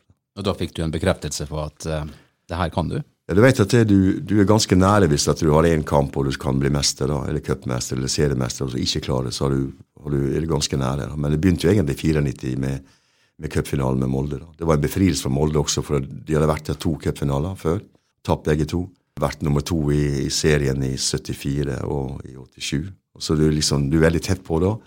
Og eh, det er viktig å, å ta dette her gjennombruddet, for du, du kjenner veien da på en annen måte enn enn det at du misser som bremser, og det vil du alltid tenke på det neste gang du kommer i samme situasjon. Så tenk, prøver du å se hva gikk galt, men likevel så kan det bli for mye i tankene dine.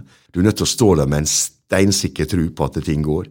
Og det er på mange måter det smittsomt i, i omgivelsene dine og laget ditt. og merker også nå i forbindelse med Danmark også, det at du har, det hjelper at du har vunnet før. Det hjelper at du, du, du liksom overbeviser dem at dette her kommer til å gå. Og Det var noe som Nils Arne sa til meg faktisk, også dette med å, å, å gå veien igjen. altså, Å lære å gå veien. Altså Det begynner på kamp én, det begynner ikke på kamp ti. Og derfor jeg, jeg var så, når jeg kom til Rosenborg, vet du, så ble vi mester. Og så var det kort applaus, kalte Erik Hoftun det. altså. altså vi, vi har trening på mandag, vi skulle spille cupfinale. så Vi har trening mandag. De har vunnet tolv før jeg kom. Så det var, for dem var det liksom ikke Jeg ville røyke sigar og sprette champagne. Det var ikke snakk om. Det var bare neste kamp. Det er ikke litt viktig å feire når du har vunnet nå?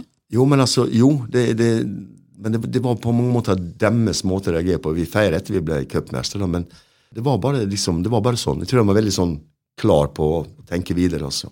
Og jeg tror at det, det er viktig å feire og, og feire seg sjøl, men jeg tror også Molde jeg syns de ser det, og antydninger nå, at de arbeider med, med trenerapparatet, de tenker nytt mer tidlig. Det som jeg tolker og leser ut av avisa Romsdal Bustikke, det er følgende at de tenker på å bli enda bedre. Det er det jeg leser. Og det, det gleder meg, altså, for det ser ut som at de ruster for å bli enda bedre rusta til å bli enda bedre. Vi tror det- den eh, applausen som Erling Moe tok i år, selv om han vant for første gang i, i første forsøk Den var ikke så kort som Hoftun sin, men jeg tror ikke at han var mye lenger. Og det tror jeg også Jeg tenker at det er et veldig godt tegn. Ja, jeg er helt, helt enig, og jeg, jeg leste jo det han sa, og, og, og det, jeg tror han reagerer på riktig måte. For han er jo en nøktern og down to earth-fyr altså, på alle mulige måter, og, men, men også det signalet han sender nå, han, han, han søker for å få et enda bedre apparat rundt seg. Og, og, Molde har vært gode på, på scouting, på å seg spil, sultne spillere som blitt bedre i Molde. og det, Derfor har Molde en standing, tror jeg, blant andre spillere i landet på at det er en plass du kan utvikle det. Og, bli, og de er pro- ultraprofesjonelle i, i det de holder på med. Hei! Om du kjører Volkswagen, kan det være lurt å velge et Volkswagen-verksted. Her møter du folk som kjenner din bil bedre enn noen andre, og til konkurransedyktige priser. Bestill time på mittbilhold.no. Din lokale Volkswagen-forhandler er Møller Bil Molde. Volkswagen kan Volkswagen best. Eh, Vi, vi sa jo at vi skulle tilbake til Rosenborg. Du som hadde drevet og herja så mye med Rosenborg og sagt så mye om Rosenborg, og så plutselig så blir du Rosenborg-trener. Det, det var et sjokk for mange i Molde i hvert fall. Ja, det var vel det. det men Nils Arne var faktisk den som plukka meg ut til å bli trener når jeg ble ledig i Brøndby. Når jeg slutta i Brøndby, så var Rune ganske snar med å ringe meg og fortalte meg at Nils Arne skulle slutte, og han ville ha én avløser. Og, eh, og det var på en måte en, en god nok grunn for meg, for jeg visste jeg kom til en godt organisert klubb. Og, og enten nå får, nå får romsdalingene liksom eh, enten holde for ørene, eller så får de høre hva jeg sier. For at det, trønderne er faktisk et veldig hyggelig folkeferd. Og Rosenborg var en fantastisk fin arbeidsplass å jobbe i. Og et godt miljø. Og Det var ryddig. altså Den gangen med Skoglund, som, som dessverre døde, så var han en fantastisk formann. Ikke blanda seg for mye. De, de lot oss holde på med vårt eh, Det var fred og fordragelighet. Så var det mange gode spillere, altså mange dyktige spillere som på mange måter noen, noen av dem måtte vekkes, og vi, måtte, vi skal inn og gjøre ting. Og jeg gjorde bare én ting, jeg var bli bedre i gjenvinningsspillet altså i forhold til året før. Da leda jo Lyn lenge om Rosenborg ble vinner på, altså i siste serierunde. Men det var fantastisk for meg. for det, det, Hvis du har det privilegiet å trene Erik Hoftun, eh, Roar Strand, Brattbakk, Frode Johnsen, Basma altså Vidar Riseth det, det, var bare gode spillere der. Og, det, og, vi hadde en fantastisk fin sesong også. Det har vist seg i Rosenborg-historien. Det er ikke så lett å komme inn eh, i, det systemet. Men du viste jo noen ganger du var ikke redd for å gå inn i det der og ta over eh, noe som bare vunnet mange ganger før. Det med å hoppe til Wirkola ble jo brukt veldig mye, da. Men, men vi, um, vi tapte første kamp 27. juli, da. Og det hjelper å vinne fotballkamper. Det er det eneste som, som jeg vet. Og, det, og det, det, da blir det stille uansett. For jeg tok jo bort Ben Skammelsrud, og ble, det ble jo spetakkel for de to bort han. Men altså, jeg hadde jo treårskontrakt når jeg kom til Rosenborg, og vi laga veldig tidlig en logistikk på hva vi skulle ha inn, og hvem som skulle bort. For at det, når du passerer noen av 30 år, altså, og Bernt var jo kanskje 35 år tror jeg på det tidspunktet, og det, han er en super spiller for Rosenborg i alle år. og Jeg prøvde å få han til Molde i 88 også, så eh, en god fotballspiller. Men det var viktig at vi fikk fornya den posten, så vi satte Ørjan Berg inn på hans posisjon. Han ble årets spiller, og han var helt suveren det året. Jeg tok en, eh, en, runde med Harald Pedersen, som, eh, som jobba i Rosenborg sammen med det den gangen. Som, som fortsatt jobba i Rosenborg, for å få, få, en historie, en god gammel historie fra Rosenborg. Men jeg fikk ikke det. Han oppfordret meg til å spørre deg om norsk idrett generelt. Han har nesten aldri vært borti en person som veit så mye om annen idrett. Vi holdt jo på i, i, Rosenborg så holdt jeg og Rune Brasse på med, med skøytetider og med eh, hoppere og OL og VM, og spesielt på ski. da. Og Jeg vokste opp med skøyteboka som jeg foran radioen med, og spiste vafler på eh, gulvet og så lytta på Blaupunktradioen min eh, tidlig på 60-tallet. Så jeg visste jo alt om skøyter. Visste alt om, eh, om skøytetida. Jeg var så heldig å være i Alma Ata også, i Almaty i Kasakhstan med Danmark. Da, var jeg oppe på Medeobanen for å bare sjekke at den var der. Det var, jeg vet spesielt én ting. var, Vi hadde favorittspørsmålet mitt. Det er liksom hvem som ble nummer tre på 1500 meter i Innsbruck i 64. Eh, det er mitt, mitt, mitt klassiske nummer. Eller et som er enda bedre hvor mange svensker var blant de åtte beste på 10 000 meter i Squaw Valley i 1960? Enda bedre klassisk spørsmål. Det er noen som svarer på det her. Det var stille her. Hvem, hvem var det som ble nummer tre? På, det var Willy Haugen fra Falken. Ans Ansson vant 1500-meteren da. Og eh, det var fire svensker. altså um, Beckman, Ørjan Sandler, uh, Jonny Nilsson og Ivar Ivriga Nilsson. Altså. Er imponert. Uh, Rune Bratseth han uh, ringte deg for å få det til Rosenborg. Han var ikke like happy når du, når du dro fra Rosenborg? Jeg forstår godt det. Det var liksom, eh, det var på mange måter kanskje noe som du ikke burde ha gjort i dag. Jeg hadde treårskontrakt med dem. Jeg brøt ikke egentlig kontrakten. Nå har jo Rosenborg brutt mange kontrakter med trenere etter, etter meg. Altså. Så, så, de har jo klart det. da. Men, karma. Ja, da, så da er det ikke sagt noe på det. da, Men, men eh, når jeg dro, så var de ikke glad for det. og De hadde jo gitt meg en treårskontrakt, så jeg skulle ha honorert den jeg skulle vært der. egentlig. Jeg burde ikke gått til landslaget på det tidspunktet. Men jeg hadde veldig lyst. da. Og det var fordi at jeg hadde stått på uh, treningsfeltet liksom daglig i lang tid. da. Hadde lyst på en litt annen hverdag. Lyst til å prøve det med å prøve å trene det norske landslaget. ville være en honnør for meg. da. Så, så Derfor så var jeg ivrig på å ta det. da.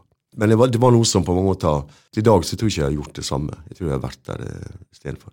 Men landslaget, hvordan vil du oppsummere den uh, perioden som uh, landslagssjef? Det var veldig spennende. Det var, Bortsett fra siste året, det var ikke spennende. Jeg burde egentlig stoppa etter, etter, EM. Eh, det var synd at vi ikke klarte å komme oss, i alle fall til EM. Altså VM var vanskelig å slå Tsjekkia, eh, for de var nummer to på verdensrankingen. Godt lag, og, men vi spilte bra mot dem, men det var liksom ikke bra nok. Eh, EM-runden vår, den var, det var synd. for vi, vi hadde to merkelige kamper mot Tyrkia og Hellas. altså Vi, vi, vi leda 2-0 i, eh, i, Spilte i Frankfurt mot Tyrkia, tomme tribuner.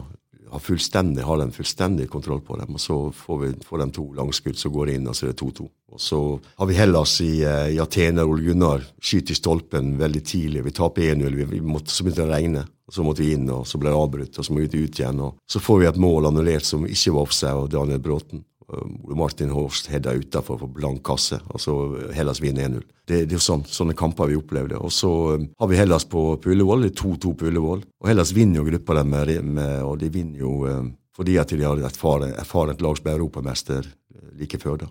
Det er synd fordi at det, vi får sjansen i, til og med siste kamp mot Tyrkia. og der, der tror jeg faktisk jeg gjorde en sånn tabbe. da, fordi at det, vi skårer 1-0, og han, eh, Panserdagen skårer på brassespark. vet du, Når han gjør på brassespark, da skal vi vinne, egentlig. Ja, da skal du vinne. Så det, det er jo det er 1-0, og vi, vi får den. Men så, så hadde jeg brukte Alexander Tetti som, som midtbanespiller. Han var veldig lovende. Han spilte en fantastisk kamp om Valencia i Champions League med Rosenborg. Og så hadde Vidar Iseth, som jeg kjente veldig godt fra tida mi i Rosenborg. og midtstopper der oppe. da.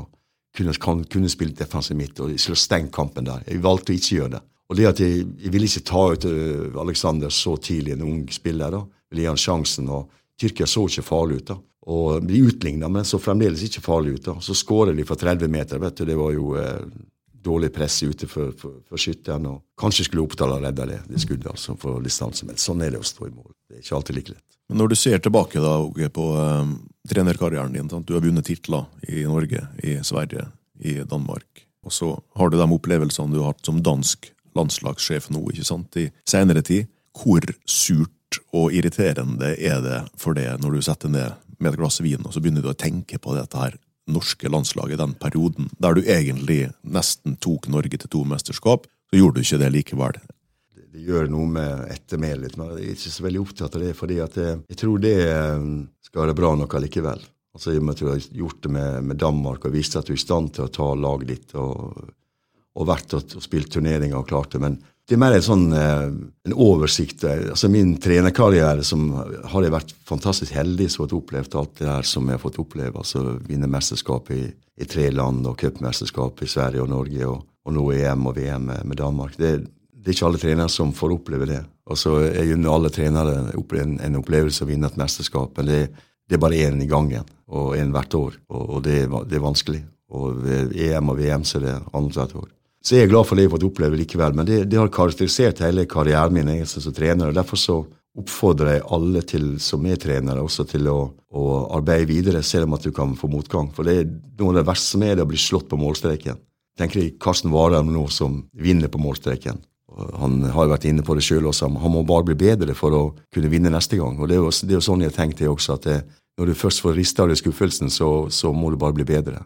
Og Jeg husker første gangen eh, jeg virkelig var skuffa på en fotballbane. Det var, det var ikke vi rykka ned med Hødd i 72, det var vi rykka ned med Molde i 1980. For Det var i siste sekund. Og der er fotballen idretten av og til jæklig brutal. Derfor så er det viktig at det er alle som på mange måter føler at ting ikke går godt, eller du mister et mesterskap, at det altså kvesser klørne og kommer tilbake neste år og i en enda bedre utgave. For du, eh, du lærer ikke så veldig mye av, av nederlag, men du kan lære til å ta ting en annen, en annen vei altså neste gang. Men etter det du har opplevd med, med Danmark, når du ser tilbake på det med, med det i hodet, ser du at det var noe som mangla med det norske landslaget, eller ser du noen grep nå som kunne vært gjort, eller tenker du at dere, at dere hadde Det var spesielt det grepet i eh, EM-kampen mot Tyrkia hjemme, så jeg tror at hvis jeg hadde skifta Alexander tidligere med Vidar Iseth, så hadde vi rodd i land, tror jeg. Og det er ingen forklaring for Alexander Tetti, for han er en, en, en utrolig både fin gutt og en god fotballspiller. Men det var bare at den, den erfaringa som Vidar hadde, kunne vært viktig i den kampen der. Det er litt sånn som jeg ser på det i, etterpå, når jeg har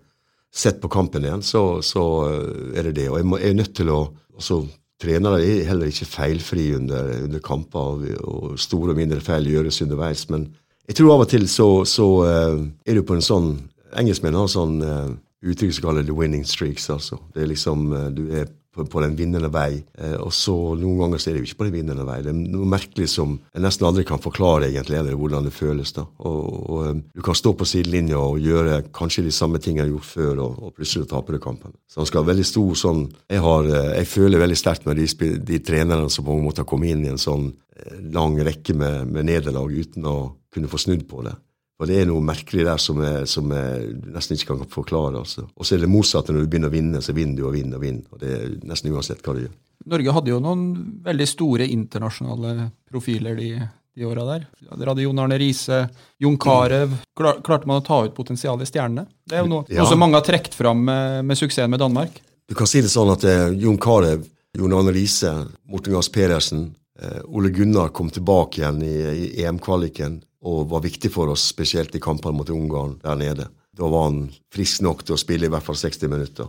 Du kan godt stille spørsmål. Vi hadde Brede Hangeland, som vokste seg inn i trøya. Eh, Jon Arne Riise til venstre og venstreback. Vi hadde Gamsten, som egentlig slo gjennom med landslaget mot Nord-Irland i 2004 med to mål der. Så ble han proff i Blackburn og utvikla seg voldsomt i, England. Eh, Jon han hadde et enormt potensial. Du kan godt si at det, om jeg klarte å løse hans potensial på landslaget Han var, han var virkelig god i to kamper. En mot Argentina og en mot Brasil. Og så var han god mot Italia. Det var det gode laget. Da var Jon Carew god.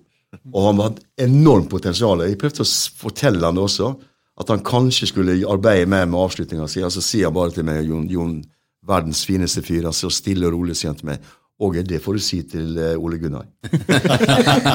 så, så, men, men det er litt, litt, litt Jon i dette nøtteskall. at Enorm fysikk. Og, og, og når vi spilte mot Italia, spilte null mot Italia, som ble verdensmester året etterpå, da hadde Nesta Canavara hang opp på ryggen på Jon Carew. Han sprang med den på ryggen, nærmest. Vi vinner 2-1 mot Argentina. Vi spiller 1-1 mot Brasil i to treningskamper der. Og Jon Carew var helt fantastisk. Helt fantastisk. Men han kunne kanskje vært enda bedre, jevnere i prestasjonsevnen sin. Og det, jeg tror Jon, Hvis vi diskuterer med Jon, han er enig med meg i det.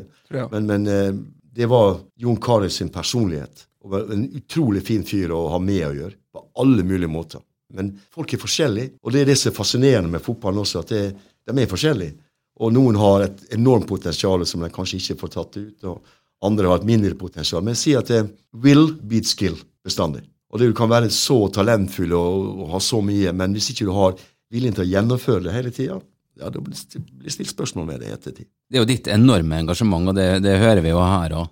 Men jeg, møtte, jeg husker jeg møtte deg på, på seil en gang. Da hadde du bestemt deg for å slutte som trener. Da skulle du være ute på Aukra. Ja, det, var, det, er liksom, ja, det er vel eh, litt forskjellige sider av den historien der som altså jeg, jeg hadde vært, jeg var i Helsingborg igjen på et sånt korttidsengasjement. Vi spilte Euroliga, og det var jo spennende nok. Men um, så eh, fikk vi en handikappa datter inn i familien vår. altså Benny fikk en, en datter som ble handikappa. Og da følte vel jeg at de uh, hadde vel mer behov for at de var hjemme uh, enn at de var vekke. For det, det å være fotballtrener er veldig sånn uregelmessig liv, egentlig. Og, du er ikke fri i helgene, samme hvor du er, når du er ute eller hjemme. Og hadde kanskje et, Det var jo liksom litt kritisk i, uh, kritisk i startfasen der. Og fikk det stabilisert seg, og eh, da var jeg på Aukra, og det var jo eh, interessant nok. Det satt meg inn i oljeindustri og gassproduksjon. og jobbet sånn som Bernhard Riksvold, det var fornøyelig. Jeg hadde kjefta mye på han. Han var, gikk på linja på stadion der oppe. vet du, og, og, og jeg sa jo alltid til Bernhard at jeg, når jeg løfter hånda, så skal du vinke. Gjorde han det? Ja, ja, selvfølgelig. men det, så så det, var, det, var, det var fint, det. Men, men det, var, det var, ble på mange måter veldig stille, altså. Det ble uh, uvant for meg. Jeg sa det vel til, til sønnen min at jeg, når jeg satt og, satt og kikket ut av vinduet i Pederveien, så satt jeg notert med at eh, fergene ikke treftes på den vanlige, vanlige plassen. altså de gikk forbi den varden på en liten øy utenfor fjorden. Altså. så var bare forsinka. Altså fem sekunder. Og så ble det veldig lenge fra fredag ettermiddag til mandagsmorgen. Det har jeg aldri opplevd før. Og det var veldig merkelig, for det, var kjempeferie også. Jeg hadde fra fredag til mandag. Så du på fotball med samme engasjementet da, eller mista du litt sånn Jeg mista det. Jeg fikk ikke tilbake igjen før jeg var på cupfinalen. Egentlig med Molde og Rosenborg. Og, og det var veldig rart, for at jeg var på stadion, og, og det betydde ikke noe for meg. Jeg er selvfølgelig glad for Molde vinner, men det betydde ikke på samme måte. da. Det var veldig rart. Og det, det er sånn at jeg, jeg så ikke på um, Premier League-kamper eller noe sånt. Det var kobla det helt vekk. altså. Jeg, og det var kanskje litt en redsel for at jeg, jeg skulle savne det. da, liksom, Men, men, men til å begynne med så savna jeg det ikke. Men, men så begynte det plutselig å sige innover meg. Og så når jeg fikk atmosfæren på Ullevål igjen, da var det helt slutt. altså. Da var jeg kom hjem, og så tenkte jeg veldig på Så plutselig så ringer telefonen. Helt sånn out of the blue. Så hadde Nordling slutta i, i Malmö, og så ringer de meg. Så det snudde opp ned på uh, tilværelsen min fullstendig de siste seks åra. Vet du hva som gjorde at de ringte til deg? Det var vel at Daniel Andersson hadde han hadde snakka med noen i Helsingborg. De, de, er de er rivaler. Han husker jo at vi slo dem 4-1 i, eh, i 99 og sendte dem ned i eh, divisjonen under. Han husker Helsingborg-laget fra, fra 98-99. Og så hadde jeg en samtale med dem som var egentlig veldig positiv. da, for liksom, eh, Som jeg sa, liksom, det her kan jeg gi dere, og det kan jeg arbeide med. Og så, så vil, vil jeg bare ha en endring. Jeg ville ha en fast en fysisk trener som ville ha inn i staben. Eh, Eller så kan dere ha de folka dere har, så jobber jeg med dem selv. Jeg jobber med svensker før, pålitelige folk.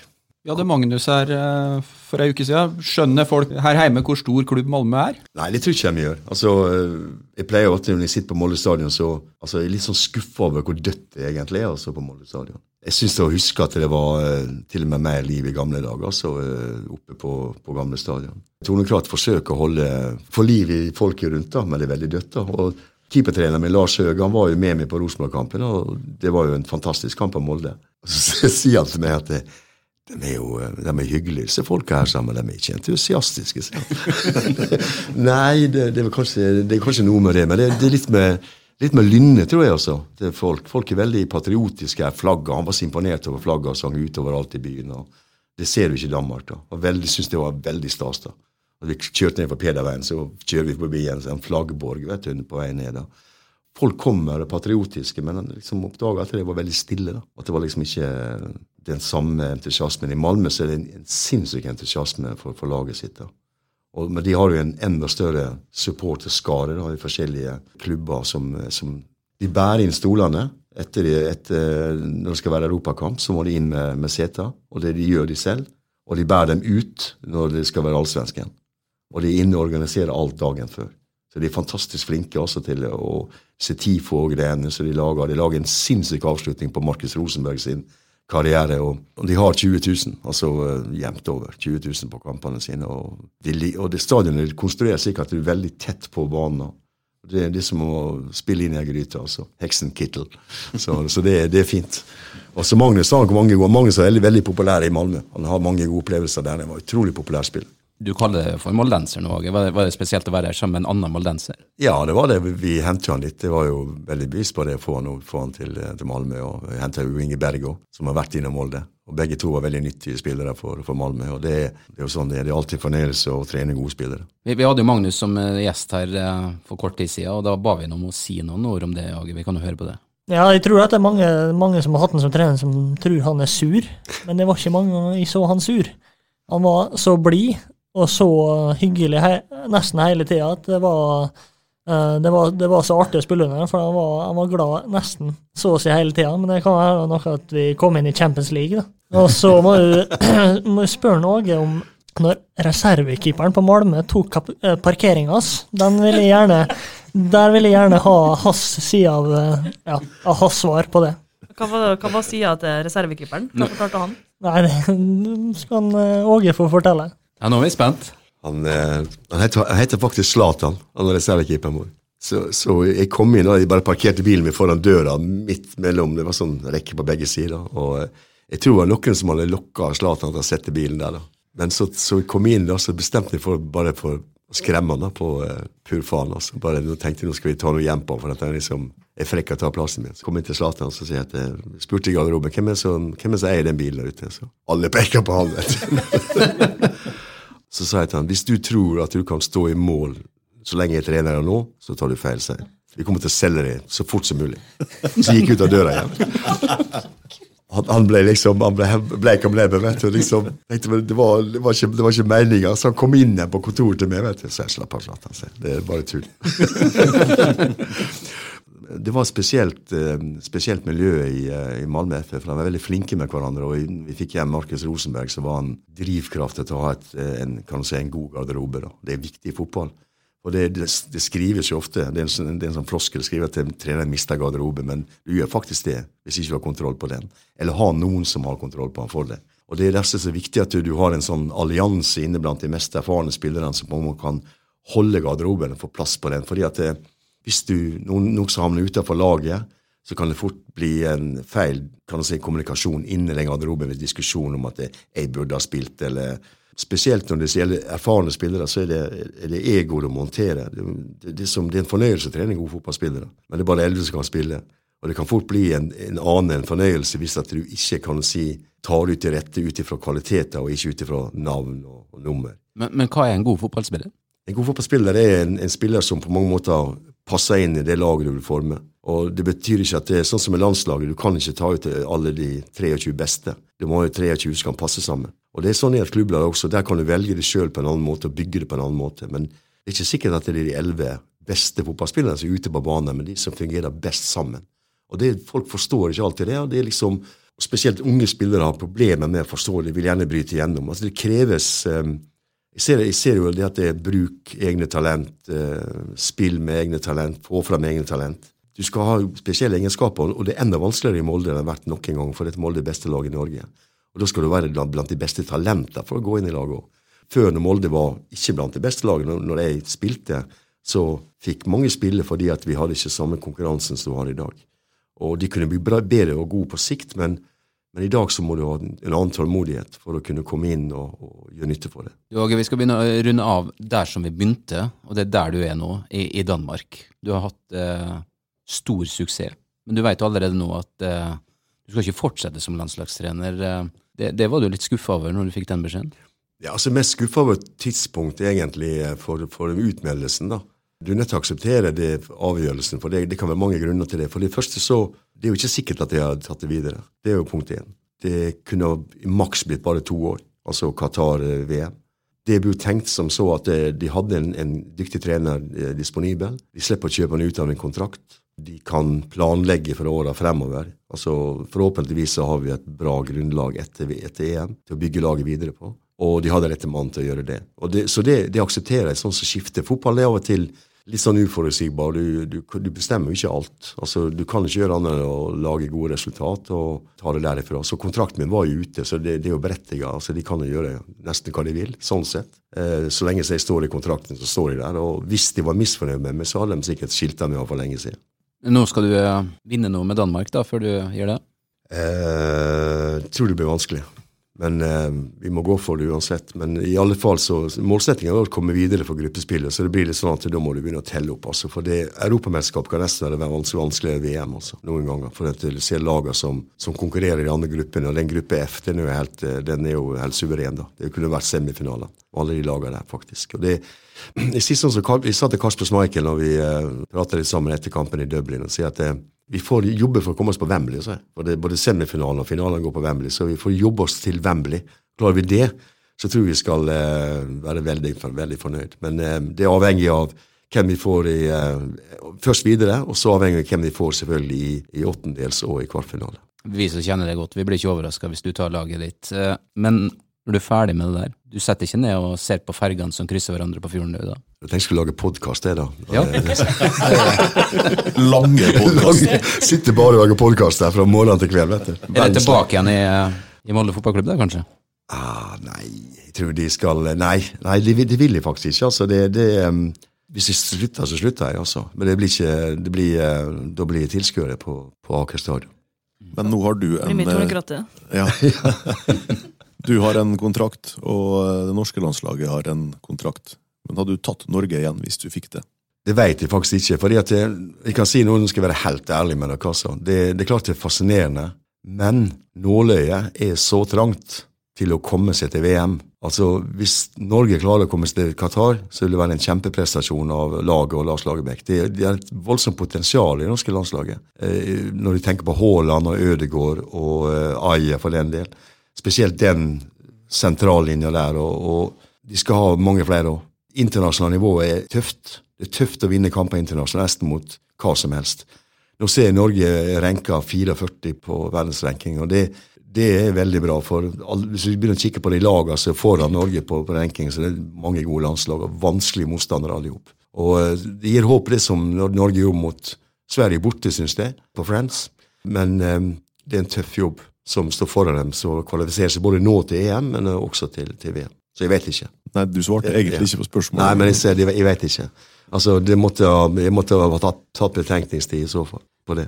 Kanskje litt vanskelig å sitte og diskutere hele tida ting som kanskje kan skje, men uh, du har vært mye ute og reist i England eh, de siste åra, sier du, og kjenner på den her atmosfæren både i Premier League og Championship. Du har klubber du har spilt for der borte, masse kontakter. Eh, Hvor lyst har du til å prøve deg som trener på det nivået? Eller Har jo- nivået har du jo vært på, beklager. ja, Men, men jeg har, har, jo eh, lyst, har jo lyst til det. Altså det men jeg vet jo også at det, nå er jeg 66 år, så jeg har liksom eh, En eller annen gang så ringer det en viss klokke altså i forhold til å, å stoppe opp også. Selv om at det, jeg ser at Roy Hodgson står på, står på linja i, eh, i, i Crystal Palace, da, så det er jo, det er jo fullt mulig. Men eh, akkurat nå så er jeg veldig sånn usikker på uh, hva, hva jeg skal gjøre. Altså, for at det, det å se fram til en tid der jeg ikke har fotballen, fotball, det, det skremmer jo litt på en måte. da. På den annen side så er det alltid noe som kan lokke deg til å, å prøve noe. For at jeg, jeg vil ikke ha noe uprøvd hvis jeg får en sjanse. da. Jeg kan risikere at det blir en familiediskusjon her på, på nytt igjen. da. Vi lar det bli, bli siste året. Tusen takk for at du stiller opp, Åge. Uh, Det var veldig hyggelig. Takk for at uh, du lytta på. Hei! Nå er det høstkampanje hos oss i Møller Bil Molde. Du får annet tøffe og godt utstyrte T-Rox Sport Exclusive til kjempegod pris. Du kan spare over 35 000. Ta turen innom oss, din lokale Volkswagen-forhandler Møller Bil Molde.